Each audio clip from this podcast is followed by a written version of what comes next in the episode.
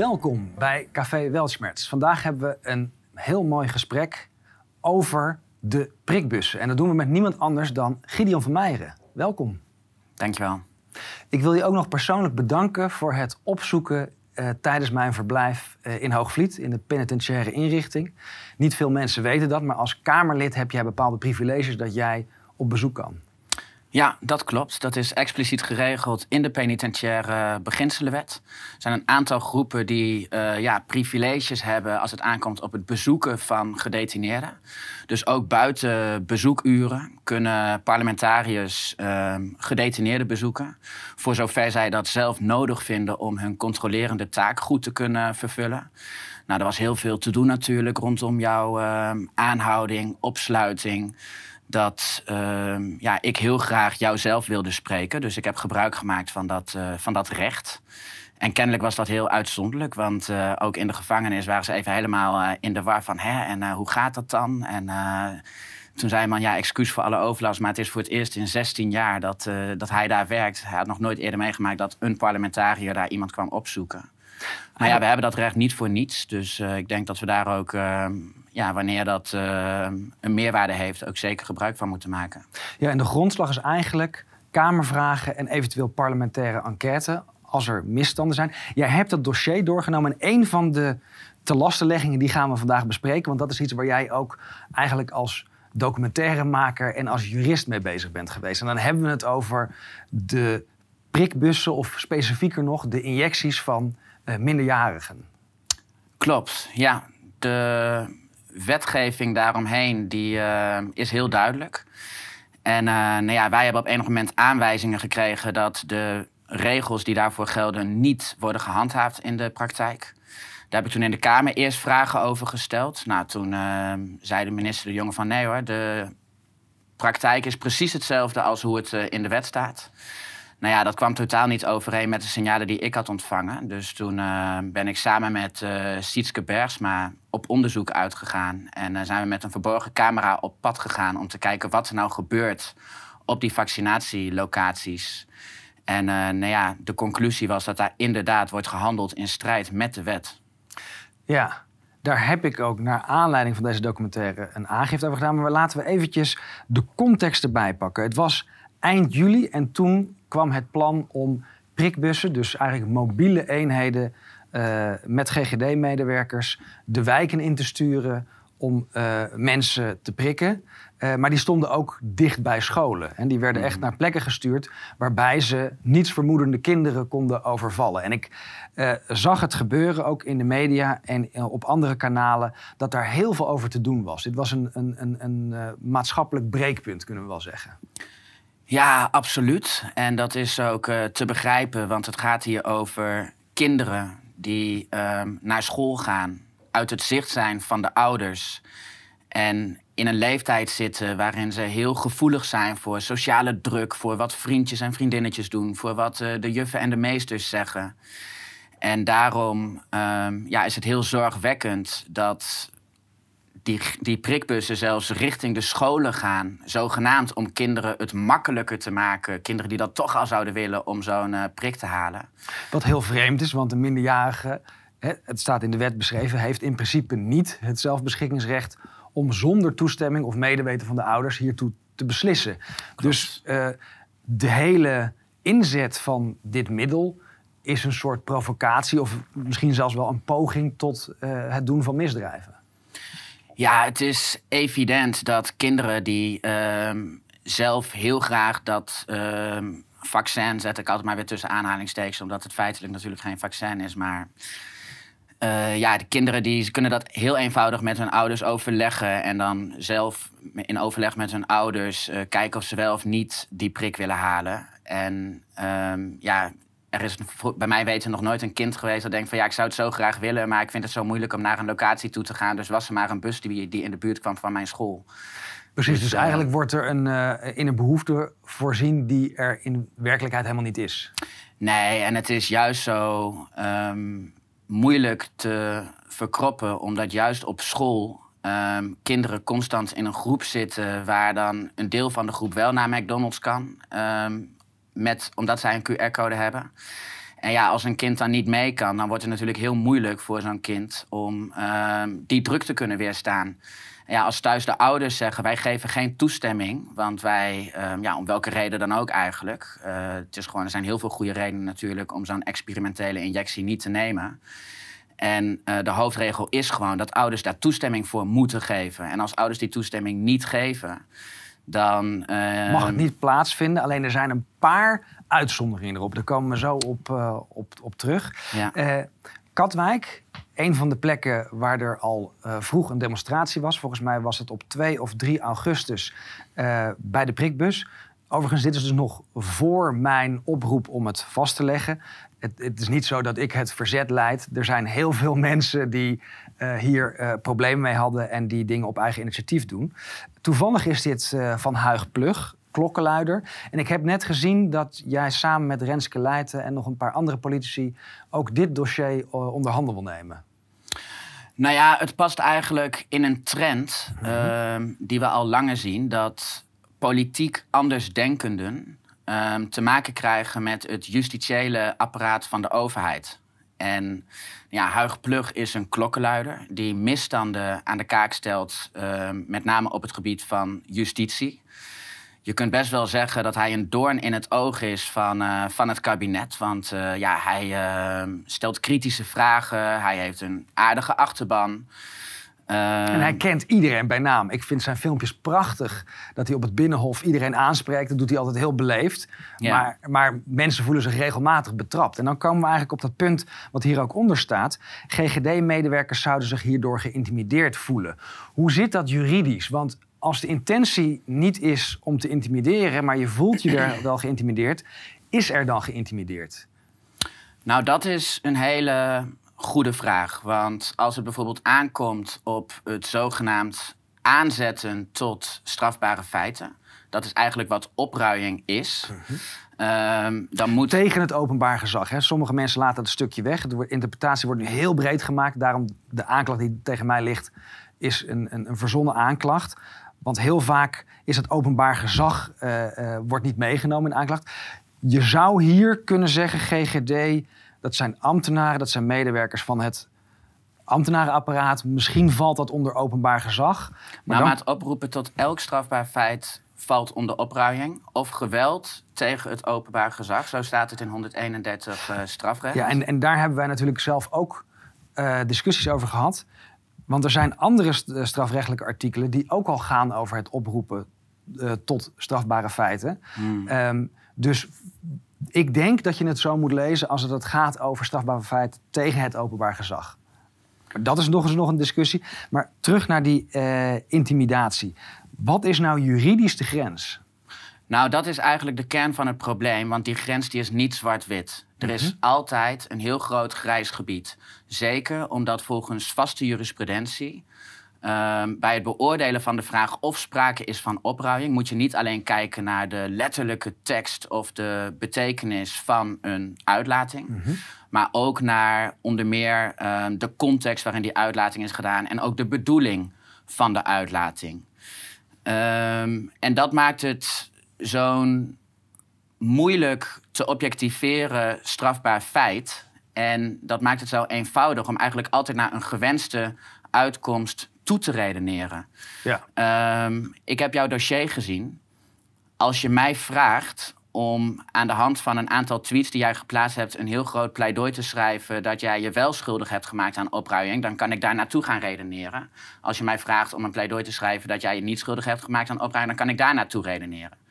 In dit geval zou dat laatste makkelijker zijn. Maar feit is, je kunt altijd overal naartoe redeneren. En dat maakt het zeker in het geval als het aankomt op um, politiek andersdenkenden die hiermee te maken krijgen. Um, dat al heel snel de schijn ontstaat dat daar ook een politieke zweem omheen hangt. En zeker als je het ook uh, bekijkt in het licht van de willekeur waar sprake van lijkt te zijn. Je ziet dat uh, ja, een bekend voorbeeld, Aquasi, die uh, heeft opgeroepen om uh, mensen die verkleed zijn als Zwarte Piet met geweld te benaderen of -hmm. dood te schieten.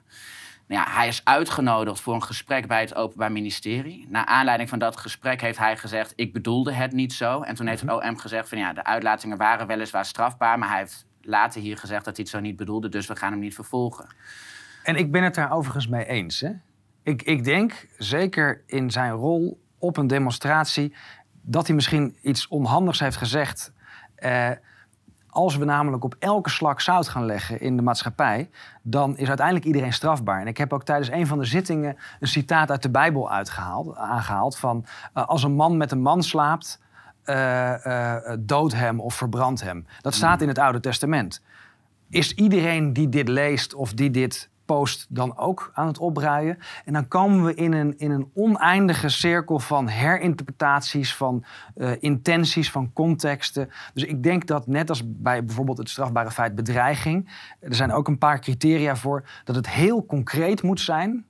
En echt bewijsbaar voordat je uh, iemand zoiets in de schoenen kan schuiven. Nou ja, daar moet je absoluut heel terughoudend mee zijn. Ja. Uh, zeker, want Um, zelfs als een uitspraak strikt genomen zou kunnen worden aangemerkt als een oproep tot geweld, uh, dan is het natuurlijk nog heel belangrijk om dat te bekijken in de juiste context. Maar ik maak het voorbeeld met name om even de willekeur aan te Absoluut. geven. Hoe makkelijk het ja. is om hier um, op een willekeurige manier mee om te gaan. En ja, zelfs al zou het zo zijn dat naar aanleiding van een tweet over die prikbussen uh, waarin je totaal niet oproept tot geweld of, mm -hmm. of om mensen lastig te vallen. Zelfs al zou het zo zijn dat er toch mensen zijn die mm -hmm. vervolgens wel denken: nou ja, ik ga nu een, uh, zo'n prikbus in de fik steken. Mm -hmm. Dan nog ben ik van oordeel dat dat niet in de schoenen geschoven kan worden van iemand die misstanden aan het licht stelt. Want wij hebben in de Kamer deze discussie ook heel vaak gehad. Wij worden er ook op aangevallen als wij kritiek hebben op bijvoorbeeld uh, de journalistiek wordt gezegd, ja, u bent heel kritisch op journalisten en steeds vaker worden journalisten lastiggevallen. Ziet u nou ook niet dat daar een verband tussen is? Maar eigenlijk is dat helemaal niet relevant, want het is net zoiets als dat je zegt tegen een vrouw die een kort rokje draagt. Ja, je draagt nu een kort rok en je wordt nu steeds vaker lastiggevallen. Zie je nu ook niet dat daar een verband tussen is? Ik bedoel, dat is niet relevant, want het is je goed recht om misstanden aan het licht te ja. brengen. Het is je goed recht om een kort rokje te dragen. En dat kan nooit gezien worden als uh, dat je daarmee op een strafbare manier een ander een strafbaar feit ontlokt. En je kan het zelfs nog een stapje verder trekken. Uh, jij als politicus uh, en ik als activist uh, zeggen dingen of stellen dingen ter discussie vanuit dat publieke debat natuurlijk. Hmm. het voorbeeld dat Jeroen Pols aanhaalde is als je oproept voor demonstratie en zegt kom allemaal zo snel mogelijk naar Den Haag. Hmm. En mensen maken daarbij uh, een verkeersovertreding omdat ze te snel rijden. Is dat dan wat jij hebt gedaan opruiing? En dan denkt iedereen natuurlijk, ja, wat een bizar voorbeeld. Natuurlijk is dat geen opruiing, maar daar zijn we nu eigenlijk in beland. Hmm. Dat elk effect, ook al is het maar 0,1% van de effecten die er worden gesorteerd door de oproep, ja. wordt nu volledig uh, ten laste gelegd aan degene die het oproept. Maar dan kan je eigenlijk nooit meer uh, de vrijheid van meningsuiting bezigen. Want er zou altijd iets negatiefs kunnen gebeuren. Je zou nooit meer de vrijheid van vereniging kunnen uiten. Want er zou bij elke demonstratie iemand kunnen struikelen. Nee, maar inderdaad. En wat ook, waar ik nu aan denk, aan de hand van jouw opmerking net over teksten in ofwel de Bijbel of de Koran. Dat mm -hmm. toont ook weer die dubbele maat die gebruikt wordt. Want als een terrorist 100 mensen doodschiet. Mm -hmm. En die zegt vervolgens zelf: Ik heb dit gedaan omdat ik hiertoe werd opgeroepen door een bepaalde passage in uh, de Koran. Dan zegt iedereen in de politiek aan linkerzijde in ieder geval: uh, Ja, dat, dat ligt niet aan de tekst. Het, het, gaat om een gek die dat doet. Dus je mag dat nooit. Uh, dan, dan doen ze in één keer alsof die tekst in de Koran niets te maken heeft met de daad van een of andere gek. Terwijl als iemand, uh, of dat nou iemand is die met een fakkel naar het uh, huis van mevrouw K gaat, of iemand die een uh, journalist een keer lastig valt, dan, dan is het in één keer direct, zijn ze er helemaal zeker van dat dat onlosmakelijk het directe gevolg is van een uiting die jij, ik of iemand anders gedaan zou hebben. Ja, en dit valt eigenlijk in hetzelfde kader als mensen verantwoordelijk te stellen voor andermans gezondheid. Dat is waar, waar, we met de coronacrisis de hele tijd in zaten. Van hey, je doet dingen voor de ander. Of je houdt afstand voor de ander. En dat is nu dus, wordt dat nog verder eigenlijk uitgehold in het strafrecht. Is dat elke uiting of elke gedraging van iemand anders wordt degene die daarvoor uh, wordt aangewezen verantwoordelijk gesteld. Maar als je hmm. dat zou zeggen, dan zou elk misdrijf gepleegd in Nederland uh, verantwoordelijk worden gesteld aan onze minister-president. Als je het helemaal in extreem wilt trekken. Nou ja, wat, wat ik in ieder geval heel zorgwekkend vind, dat is dat het bij al die uitingsdelicten, of dat nou gaat om uh, smaad en lasten, of bedreiging of opruiing, mhm. het zijn zulke vaag geformuleerde strafbare feiten, mhm. dat je altijd wel een uitlating van iemand kunt vinden die je daar op een vage manier mee in verband kunt brengen. En dat degene die nu te maken krijgen met politie en justitie, uh, bijvoorbeeld Huig Plug, nou ja, jij bent uh, zelf uh, aangehouden, uh, er zijn nog tal van andere voorbeelden. Dat zijn allemaal mensen die gebruik maken van hun vrijheid van meningsuiting om misstanden aan het licht te stellen en daar mensen over te informeren. Tegenstanders van de zittende macht. En als je die gaat volgen, met de NCTV of andere diensten. Ehm, en je gaat duizenden tweets of alles bekijken, dan kun je altijd wel iets vinden waarvan je dan zegt van oeh, ja, als we dat nu ehm, zo, gaan, zo gaan interpreteren, dan kunnen we met een rare omweg wel zeggen dat dit opruiing is. Ja, dit is precies ook waar ik aangifte van heb gedaan tegen de NCTV. Eh, de surveillancebevoegdheden worden absoluut misbruikt. Dat hebben we ook aangetoond via de vergaarbakken. Um, er wordt dus heel veel materiaal verzameld over mensen waar eigenlijk geen strafrechtelijk onderzoek tegen loopt. Maar op het moment dat de NCTV opdracht geeft aan het OM om iemand uh, buiten werking te stellen, gaat het OM aan de slag met uh, de vergaarbakken die bij de politie worden bijgehouden. Daar wordt een dossier gefabriceerd. Dan gaat er een signaal naar, in dit geval Paul van Musser, die daar zich voor leent. Uh, die doet een aangifte. En op die manier is er achteraf een strafbaar feit gecreëerd. Hmm. Puur door uitingen op social media. En ik, ik, denk dat het een hele zorgelijke trend is die we niet alleen in Nederland zien. Ik, ik ben ook in contact met uh, journalisten, wetenschappers en activisten uit andere landen. België, Frankrijk, Duitsland, Engeland, Canada, allemaal hetzelfde verhaal, ook hmm. in dezelfde periode. En de mensen die inderdaad worden aangevallen zijn burgerjournalisten en demonstratieorganisatoren. Nee, maar zelfs Amnesty International, dat natuurlijk een hele dubieuze rol speelt in de mhm. hele coronaschandalen. Maar zelfs Amnesty heeft al een rapport uitgebracht waarin ze ervoor waarschuwen dat regeringen mhm. wereldwijd ehm, corona misbruiken om politieke tegenstanders op te sluiten. En jij had het net over een trend. En dat is ook precies waar het mij om te doen is. Want als je naar allemaal individuele zaken gaat kijken, dan kun je altijd, valt er misschien wel iets voor te zeggen uh, dat er wel of niet strafrechtelijk wordt opgetreden. Maar als je uitzoomt en je kijkt naar een trend en je ziet, hey, in het ene geval wel, in het andere geval niet. En daar komt op een gegeven moment een patroon in. Ehm, dan is het toch belangrijk om daar goed naar te kijken of we niet te maken hebben met politieke tegenstanders die in principe worden aangeklaagd en opgesloten omdat zij ehm, een bedreiging vormen voor de macht. Vanwege het uit van hun mening, waar dan vervolgens de strafbare feiten bijgezocht worden. precies. En dat is ehm, een indruk waar ik me niet aan kan onttrekken. Want neem bijvoorbeeld die zaak van Huig Plug. Uh, hij had een uh, tweet geplaatst met een meme. Waar dan twee lijkzakken uh, te zien waren met de tekst erbij: vanavond geen persconferentie. Nou ja, wat je er ook van vindt. Um, het is willekeur, want deze foto ging al anderhalf jaar rond. Die foto die ging al zo lang rond in tal van gremia. Ja, maar wat mij dan wel opvalt, is dat ze zijn telefoon onderzoeken. Overigens com complete uh, belangenverstrengeling tussen een andere zaak waar het wel over kindermisbruik ging en deze zaak waar het helemaal niet over kindermisbruik mm. ging, is contact geweest tussen Pelsrijk en het OM. Voor mij is dat genoeg. Mijn verdediging zou zijn: OM is niet ontvankelijk, want schendt de, de, de rechten van de verdachte. Maar wat ik ook als trend zie, is dat het OM snapt alleen een tweet is te mager. Mm. Dus er wordt ook een feit bijgefabriceerd. En als die niet eraan te plakken is, dan, dan moet dat via een omweg, via een extra aangifte, via een extra verdachtmaking. Want er werd eigenlijk te lastig gelegd dat dit als bedreiging werd gezien. Niet, Hmm. niet als opruiming, maar dat Huig Plug kennelijk iets zou willen. Wat ridicuul is, want hij spreekt Rutte bijna, of hij sprak Rutte bijna wekelijks eh, in zijn gangetje naar het eh, Binnenhof. Nee, dat is het. Hij, hij zou hiermee dan eh, Rutte en de jongen bedreigd hebben. Maar als je ziet hoe daar tegen wordt opgetreden. ehm, hij is uiteindelijk, uit mijn hoofd gezegd, voor acht tot tien weken celstraf veroordeeld. Heeft een bijkomende straf gekregen dat hij ehm, een bepaalde afstand altijd moet bewaren tot Rutte en de jongen. Wat er feitelijk op neerkomt dat hij zijn werk als klokkenluider niet meer kan doen.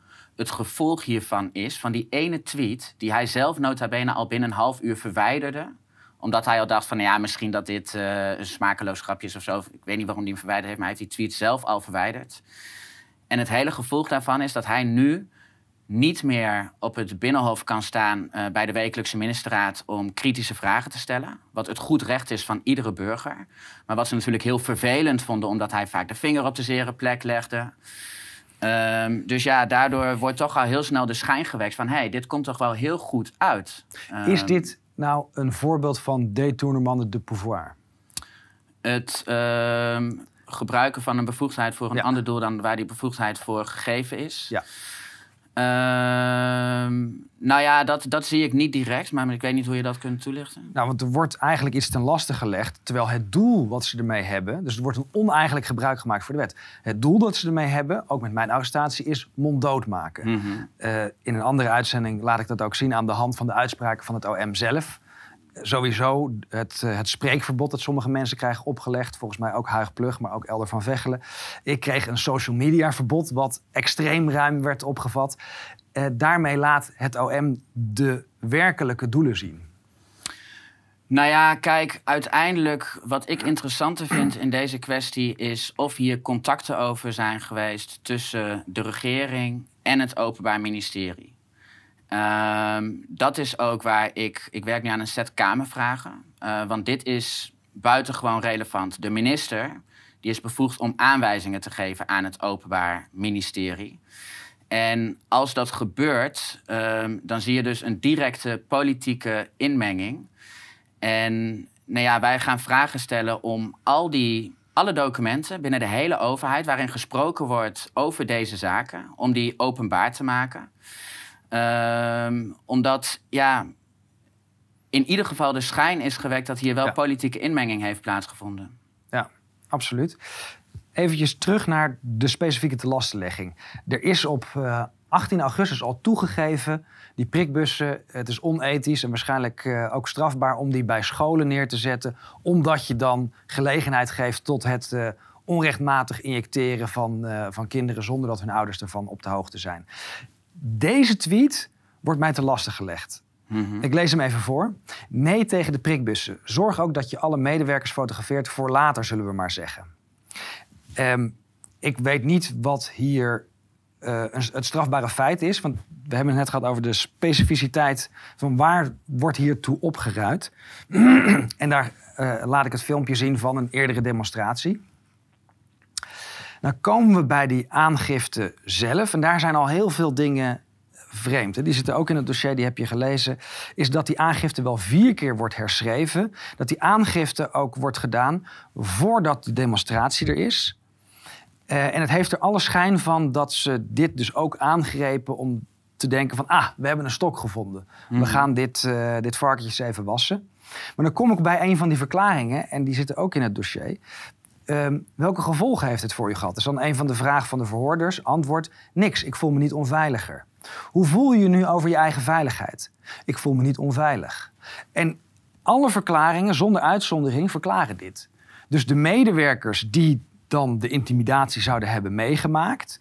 eh, of de demonstratie zouden hebben meegemaakt... die verklaren zonder uitzondering dat ze zich niet bedreigd voelden. Toch is er een aangifte die vier keer wordt eh, herschreven... wegens opruiming of wegens bedreiging eh, gemaakt. Ja. Eh, hier zie ik al een politieke motivatie.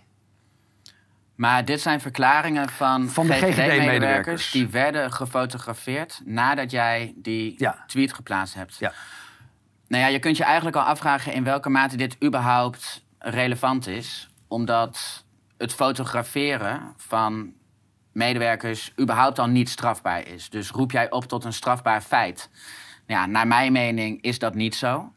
Dan zouden ze kunnen zeggen van ja, oké, als je de letterlijke, de letterlijke tekst krijgt, bekijkt van de tweet, dan is die weliswaar is dat geen oproep tot een strafbaar feit, maar in de hele context of eh, de bedoeling eh, daarachter eh, is wel dat mensen strafbare feiten gaan plegen.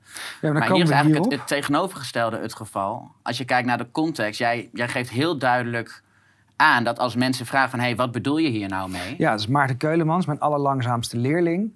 Eh, die heeft het over van wat bedoel je nu specifiek met die foto's? En dan kan ik het helemaal uitleggen. Dan zeg ik bewijsmateriaal voor eventuele rechtszaken. Dit soort injectiepraktijken zijn niet legaal. Nou, dat is wat we net hebben vastgesteld. Ehm, laten we mensen er vooral aan herinneren dat de injecties niet goed zijn gekeurd en nog in fase 2, 3 zitten en dus experimenteel zijn. Nou, daar hebben we heel veel rechtszaken over gevoerd, daar hebben we heel veel bewijs voor aangeleverd. Daarmee valt dus alles onder wet medisch onderzoek. Of eh, wet medische behandeling overeenkomst. Daar komen we zo op terug. En ik geef ook nog aan, nee, ik wil niet lastigvallen, wel vastleggen. Mhm. Gaan we nog verder. Ik roep juist op om strafbare feiten vast te leggen. Retweet graag.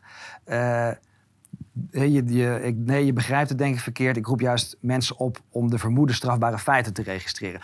Eigenlijk, en ik weet niet meer welk artikel dat is, eh, strafvordering 161 of zo.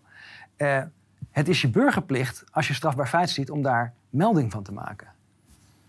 Dat heb jij zelf ook gedaan, want nu komen we. En het, gaat zomaar door. Het is heel duidelijk dat er. eh, de context is er geen enkele sprake van opruiing.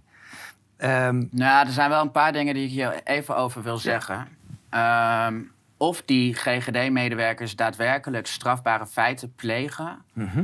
is wel van een aantal zaken afhankelijk. Ik zou niet zo ver willen gaan om te zeggen... al die GGD-medewerkers zijn strafbaar. Maar dat is ook niet wat ik heb gezegd, hè? Nee, maar er geldt dan wel een heel belangrijk uitgangspunt Mhm. in het Nederlandse recht. Geen straf zonder schuld. Dus als er GGD-medewerkers zijn die daadwerkelijk te goede trouw zijn, zeggen van geen kwaad bewust zijn, dan zijn zij, zijn zij in beginsel niet strafbaar. Maar er is nog één eh, kanttekening die ik wil plaatsen. Ik zeg ook niet dat de, dat de medewerkers strafbaar zijn. Maar zij doen handelingen die strafbaar kunnen zijn. En daar kan iemand anders die de opdracht heeft gegeven verantwoordelijk voor zijn. Nee, maar om heel veel mijn punt af te maken, je kunt nog wel zeggen bij, ehm, als het gaat om artsen die zeggen van hé, hey, ik wist niet dat deze injectie mogelijk dodelijk is. Dat op artsen een bijzondere verantwoordelijkheid zou rusten. Ehm, ook een soort onderzoeksplicht. Want ja, je, kunt ook niet, je, moet, je mag ook niet klakkeloos alles maar uitvoeren wat van je gezegd wordt, wat van je gevraagd wordt. Ehm, maar een andere vraag die hierbij opkomt, als het aankomt op het fotograferen van die medewerkers, is: ehm, ja, ga je je pijlen richten op degene die het beleid maken? Of ga je pijlen richten op degene die het beleid uitvoeren? Ehm, zelf richt ik in eerste instantie mijn pijlen op degene die het beleid maken. Eh, wij hebben ook in die docu over de, ehm, de misstanden bij de GGD... hebben wij de GGD-medewerkers allemaal onherkenbaar gemaakt. Precies, want dan komen we op die wet fotografie, openbare weg. Ik heb specifiek opgeroepen tot het fotograferen, het vastleggen. Maar ook specifiek gezegd, niet publiceren. Want Hmm. dan zou je mogelijk een strafbaar feit begaan. In ieder geval schend je de privacy van die mensen. Het gaat niet om deze mensen aan de schandpaal te nagelen. Het gaat inderdaad over, zoals jullie het hebben opgevat... het bewijs verzamelen dat er mogelijk strafbare feiten worden gepleegd. Ja, dat er in ieder geval wordt gehandeld in strijd met de wet. Dat is een conclusie, daar is voor mij geen Ja. twijfel meer over mogelijk. Dat hebben wij gewoon vastgelegd. Er wordt gehandeld in strijd met de wet. Ja. En dan, hè, dat daar hebben we het over gehad. Eh, ja, deze wil ik nog wel eventjes aanhalen. Want ik vond het verbijsterend. Ja, en eigenlijk eh, kijk je nergens meer van op. Maar toch dat je een objectieve documentaire maakt. Daar heel open over bent. Daar alle eh, precaution of alle maatregelen neemt om mensen niet te schaden. Alle medewerkers zijn zonder naam en zonder gezichtsherkenning eh, in beeld gebracht. Jullie zijn daar heel terughoudend mee geweest. Ik denk dat het heel eh, goed is, is gedaan. Toch kreeg je een storm van kritiek na deze documentaire. Ja, Hoe, hoe was dat? Hoe heb je dat ervaren en wat vind je ervan? Nou ja, ergens was het natuurlijk wel te verwachten, zeker als het hier gaat over een Twitter-rel, dat, je, dat er van mensen van alles van gaan vinden. Ehm, wat mij met name heel veel zorgen heeft gebaard, dat is de reactie hierop vanuit de GGD zelf. Ehm, de GGD heeft namelijk niet eens ontkend dat wat er op die beelden te zien is in strijd is met de wet. Wat zij hebben gezegd is dat wat er te zien is op die beelden gemanipuleerd is. Dat het geknipt en geplakt is. Dat het niet een juist beeld geeft van de werkelijkheid. En dat is absurd, want zij hebben niet eens het rauwe materiaal überhaupt gezien. Uh, ze hebben ons ook helemaal niet, uh, ze hebben geen horen of wederhoor toegepast. Ze hebben helemaal niet gevraagd van, uh, hey, zouden wij die beelden mogen zien of hoe komen jullie daarbij? Nee, ze hebben gewoon gezegd, die beelden zijn geknipt en geplakt. En als ik iets kan zeggen, dan is het dat die beelden totaal niet gemanipuleerd zijn. Ik bedoel, geknipt, vanzelfsprekend, want we hebben vele honderden uren aan materiaal. We zijn naar tal van locaties geweest.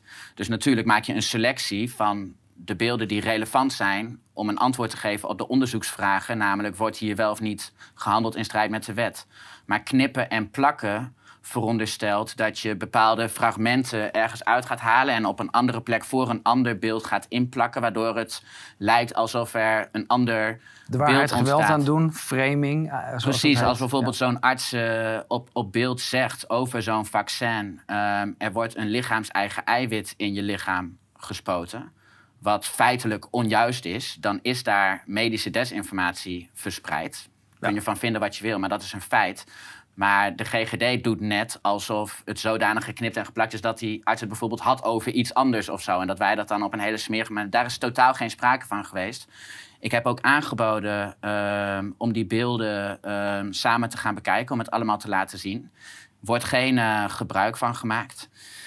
Dus ja, wat, wat je hier eigenlijk ziet is. Er wordt gehandeld in strijd met de wet. En het wordt gewoon ontkend ze zeggen gewoon nee, het is niet zo. En ja, zo komen ze er eigenlijk dus toch mee weg. Dus het is eigenlijk gewoon een heel duidelijk voorbeeld van dat de rechtsstaat failliet is. Absoluut. het recht is niet meer, heeft niet meer het hoogste gezag in dit land. We hebben rechtsregels. En kijk, ik vind zelfs de regels die er zijn, vind ik al schandelijk.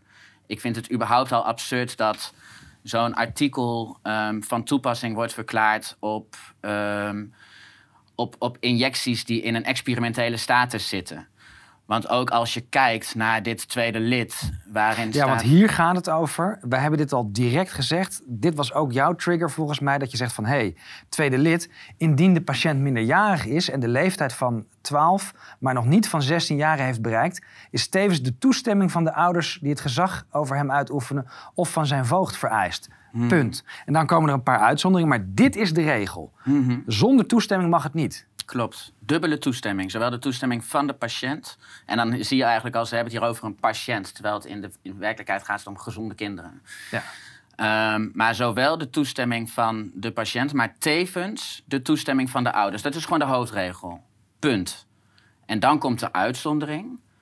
Er kan in geval van uitzondering toch zonder toestemming van de ouders die medische handeling worden uitgevoerd ofwel omdat die handeling kennelijk nodig is ten einde ernstig nadeel voor de patiënt te voorkomen. Nou, die is hier duidelijk niet aan het geval. Iedereen is het erover eens. Ja, dat wordt ook niet door de minister beweerd. Er wordt door niemand beweerd dat, dit, dat dit nodig is om ernstig nadeel te voorkomen. Maar als mede, en dat is de tweede uitzondering, indien de patiënt ook na de weigering van de toestemming de verrichting wel overwogen blijft wensen.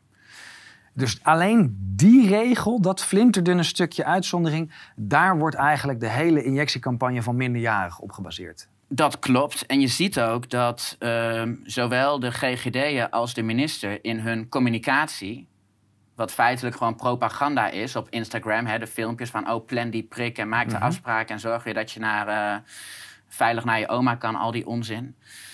Um, daarin wordt het eigenlijk omgedraaid. Daar doen ze alsof de uitzondering de hoofdregel is. Daar zeggen ze: ben je, ben je ouder dan 12? Dan beslis je zelf. Ja, nou, dat, dat zit wel even wat anders. Nee, je hebt toestemming nodig van je ouders. Dat is de regel. Je moet ja, zeggen, vraag je ouders om toestemming. En alleen als je ouders die toestemming niet geven... maar dat moet dus altijd wel gecontroleerd worden Precies, of de ouders want hier staat na weigering. Dat impliceert dat die ouders zijn gehoord. Zeker, zeker. Als ouders helemaal niet betrokken zijn, dan mag er nooit een injectie gezet worden. Er moet met de ouders, de ouders moeten geraadpleegd zijn. En als de ouders de toestemming weigeren, maar het kind wil dat zelf wel, wel overwogen. Dat is ook een heel belangrijk onderdeel. Eigenlijk zegt dat dus dat er informed consent moet zijn geweest. En bij minderjarigen is dat nog eens een specifieke toetsing. Want er moet gecontroleerd worden of het kind snapt waar het ja of nee tegen zegt. Klopt. Ja, ja, dat is heel belangrijk. Want het, het- dat zit in dat woord wel overwogen. De voor- en nadelen van die medische behandeling... die moeten voor het kind wel duidelijk zijn. Anders kun je niet een wel overwogen ehm, keuze maken hierover. En dit artikel is al sinds jaar en dag opgenomen in het burgerlijk wetboek. En toen dit werd ehm, opgenomen, toen werden er een paar voorbeelden genoemd in de parlementaire geschiedenis van waar, heeft dit nou, waar gaat dit nou ongeveer over? En dan moet je denken aan de situatie dat een, een, een kind van bijvoorbeeld eh, 13, 14, 15 jaar oud heeft leukemie. Eh, wil je wel of niet een chemokuur? Ja, de ouders zeggen van niet. Maar eh, als de ouders dan geen toestemming geven, dan is het bij kinderen vanaf 12 toch zo dat als ze zelf wel overwogen dat toch willen, dat ze dan toch daarvoor kunnen kiezen. En Dat- dan gaat het over een levensbedreigende situatie eigenlijk. Hè? Dan gaat het over Ja. een andere uitzondering. Dat, dat, is een, dat zijn voorbeelden waar mensen nog wel. Dat voorbeeld is zelfs een keer in de Kamer genoemd tegen mij toen ik over deze regeling eh, begon. Ehm, maar in dit geval, wat wij dus hebben vastgelegd, is dat als een kind onder de 16 bij de GGD komt en zegt: Ik wil me gaan laten injecteren, dan wordt er überhaupt niet gecontroleerd of dat kind toestemming heeft. Er wordt gewoon gezegd: Ga maar zitten, stroop je mouw maar op. In alle gevallen waar we geweest zijn, hè, wordt gewoon gezegd: Welkom, ga maar zitten, stroop je maar op. Als dat kind dan vervolgens zelf aangeeft: Ik heb geen toestemming, pas dan ehm zeggen ze van: Oh ja, en dat hoeft ook helemaal niet. Nou, dat is dus al niet waar. Dan moeten ze zeggen: Oh, je moet het wel met je ouders overleggen. Heb je het met je ouders overlegd? Doen ze niet. En er wordt ook nog eens niet gecontroleerd of zo'n kind wel een weloverwogen keuze maakt. Ehm, wij hebben die proefpersonen die als kind met een verborgen camera op pad gingen, goede instructies gegeven. En dat hebben ze ook fantastisch gedaan, want die gaven dan ook aan.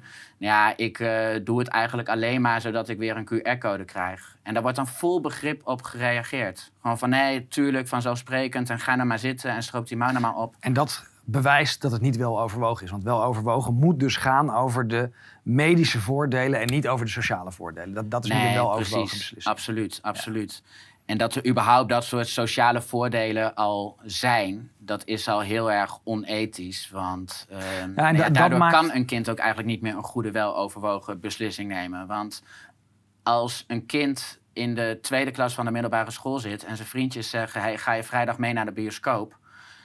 Zie dan als kind maar eens zeggen: nee, want ik, heb, ik mag van mijn ouders geen, ehm, geen vaccin. Ehm, natuurlijk, die kinderen die zeggen daar letterlijk bij de GGD... ja, ik doe het stiekem. Mijn ouders willen het niet, maar ik doe het stiekem. Puur zodat ik weer naar de bioscoop kan. En als ze dan toch die injectie gaan zetten... zonder zo'n kind ook maar enigszins te informeren... dan is dat evident onrechtmatig. En wij hebben die kinderen ook geïnstrueerd van... nou ja, ga, als ze er niet beginnen over medische voor- en nadelen... ga er dan zelf naar vragen. Ga dan zelf vragen stellen van... Hey, is het wel veilig? Is het voldoende onderzocht? En ook dan zie je, dan, dan is het van... oh, nou ja, ga dan maar even naar een arts. En dan worden in die gesprekken met die artsen... wordt ook evident medische desinformatie verspreid. En ja, we hebben het allemaal kunnen zien in die eh, docu. Voor Ehm, mensen die hem nog niet hebben gekeken, eh, eh, schaf hem aan of zet hem aan. Eh, bekijk het. Er is er heel veel ophef over geweest en dat is jammer, want het is een hele goede docu, vind ik. Zeker, ja. Het geeft gewoon een heel goed inkijkje in wat gebeurt er nou op die, eh, op die locaties. En ehm, ja, we hebben de beelden ook voorgelegd aan, aan een arts en een jurist. En ja, die bevestigen ook gewoon van ja, het is onrechtmatig. En er wordt medische desinformatie verspreid. En dat je dan vervolgens ziet ehm, ja, dat ondanks dat dit nu gewoon zo duidelijk is vastgelegd op beeld dat het gewoon doorgaat, ja, dat, dat betekent echt dat, eh, dat je kunt zeggen dat van een rechtsstaat geen sprake meer is. Naar aanleiding van jouw docu heb ik aangifte gedaan. En dan met name artikel 307, 308. En ik zal het even toelichten. Ja, die medische desinformatie is dus ook nog bedrog, hè, 326D.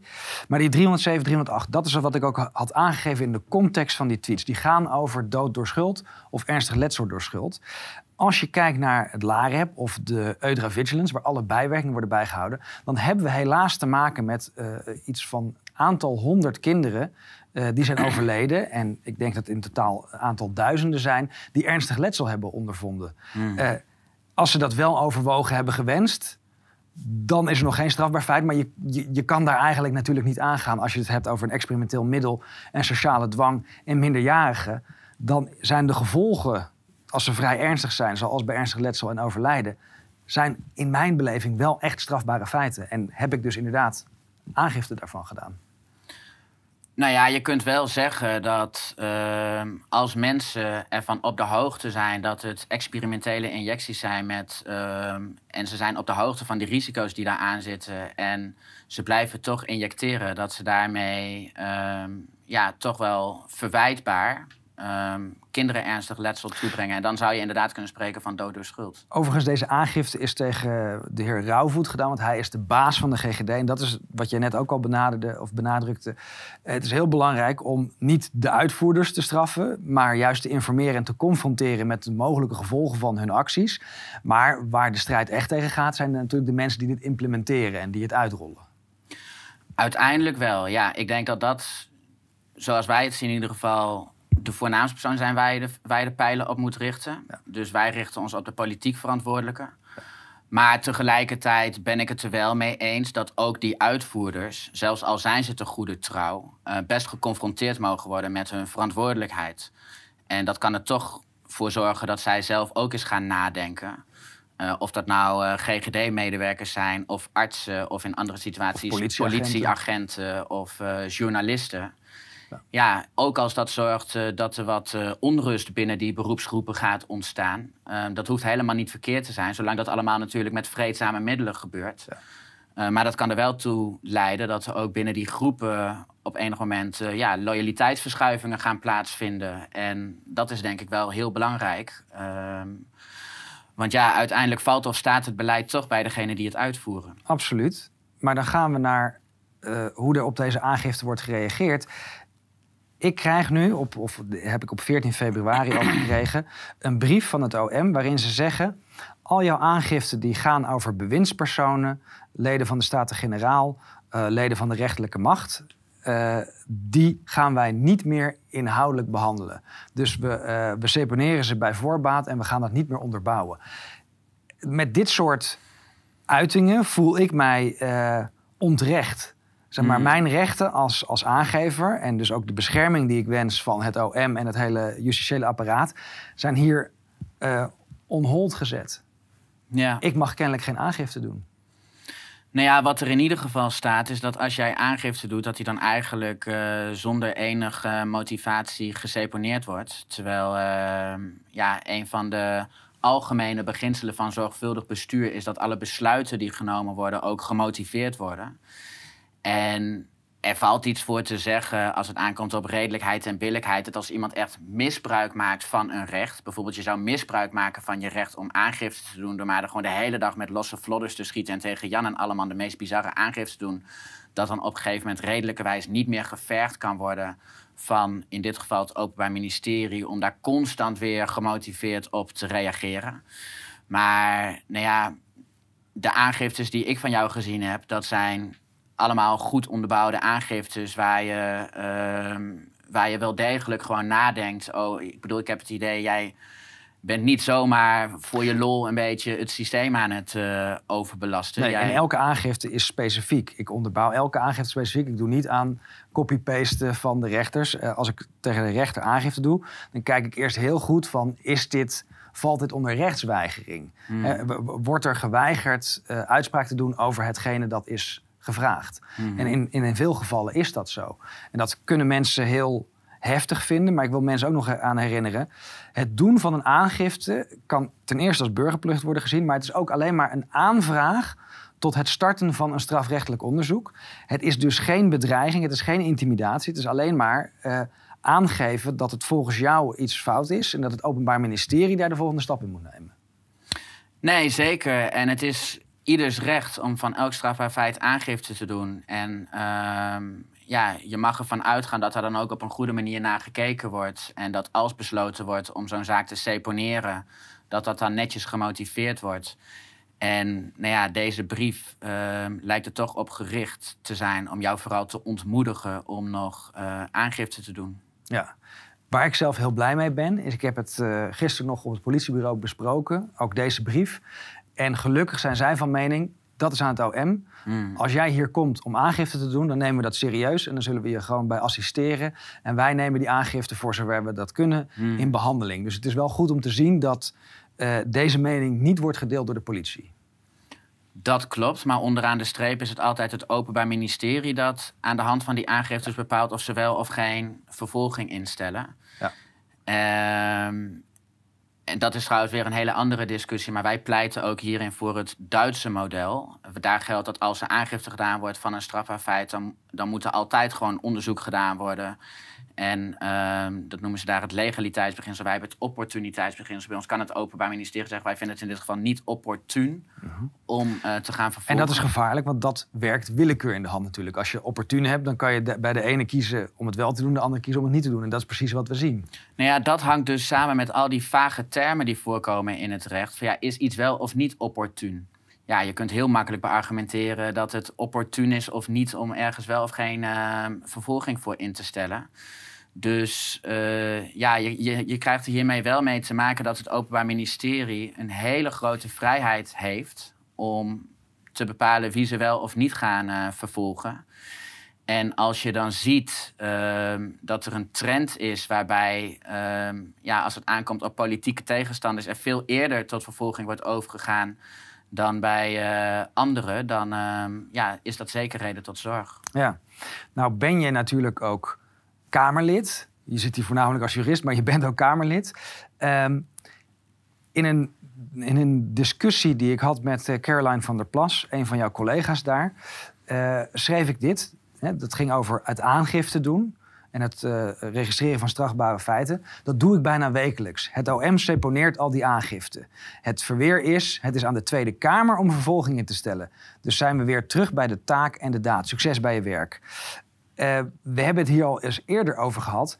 Wat kan de Tweede Kamer nog doen om uh, minister, ministers uh, ter verantwoording te roepen? Want we hebben gezien uh, het debat afgelopen week met minister Hugo de Jonge, waarvan iedereen al wist: deze motie van wantrouwen is gewoon een, een politiek theater, die gaat er niet komen. Wat kan je nog doen als parlementariër?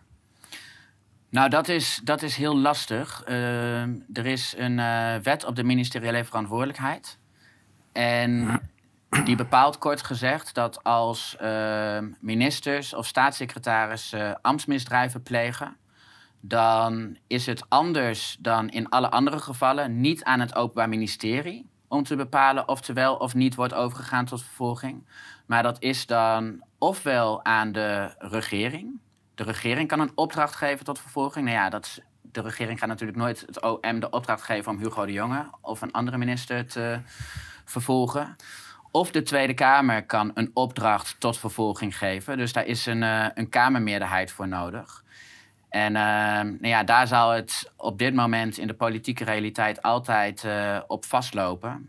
Dus ehm, we leven nu in een situatie dat zelfs wanneer bewindspersonen evident, zonder enige twijfel, strafbare feiten begaan, ehm, dat het Openbaar Ministerie hen niet kan vervolgen is onmogelijk. Um, zolang er niet ofwel een opdracht tot vervolging gegeven wordt door de regering of, het, uh, of de Tweede Kamer. Ja, en dan moet ik gelijk denken aan. Zou dit een reden zijn geweest om bijvoorbeeld uh, uh, Hugo de Jonge een nieuwe post te geven, zodat hij uit de wind wordt gehouden, juist door die ministeriële onschendbaarheid? Nou, hij, kan, hij zou in theorie nog steeds vervolgd kunnen worden voor ambtsmisdrijven die hij ook in zijn vorige ambt heeft mm gepleegd. Maar uh, ja, je kunt, uh, je kunt natuurlijk wel allemaal vragen over stellen. Wat de precieze reden is dat hij nu in één keer naar een andere post is gegaan. Je hebt wel bij de mondkapjesdeal gezien dat hij uh, in het begin heel handig daarvan gebruik wilde maken. door te zeggen: van hé, uh, hey, dat is nu allemaal aan Kuipers. waardoor hij uit de wind kon blijven. Maar uiteindelijk nam de druk ook vanuit de maatschappij zo ver toe. dat hij toch niet anders kon dan beslissen om zelf naar dat Kamerdebat te gaan. Maar uh, ja, dat is altijd wel lastig als het aankomt tot de ministeriële verantwoordelijkheid. Dat uh, ministers die eenmaal uh, naar een andere post gaan, in principe niet meer verantwoordelijk kunnen worden gehouden voor wat zij in hun vorige ambt hebben gedaan. Ja. Politiek gezien. Samenvattend, wij kunnen in de rechtszaal en in het parlement misschien wel dingen aankaarten, maar uiteindelijk stopt dit pas als het volk zich massaal uitspreekt. Uiteindelijk uh, denk ik dat het inderdaad zo is dat om echte verandering te bewerkstelligen, is gewoon echt noodzakelijk dat meer en meer mensen zich hier tegen gaan verzetten. En uh, ja, dan uh, blijf ik het toch een mooi vinden om te zeggen: wij zijn met meer. Dus uh, als wij massaal in opstand komen, dan kunnen we het zeker stoppen. En ik heb er ook alle vertrouwen in dat dat gaat gebeuren. Dankjewel voor dit gesprek. Jij bedankt. Goed.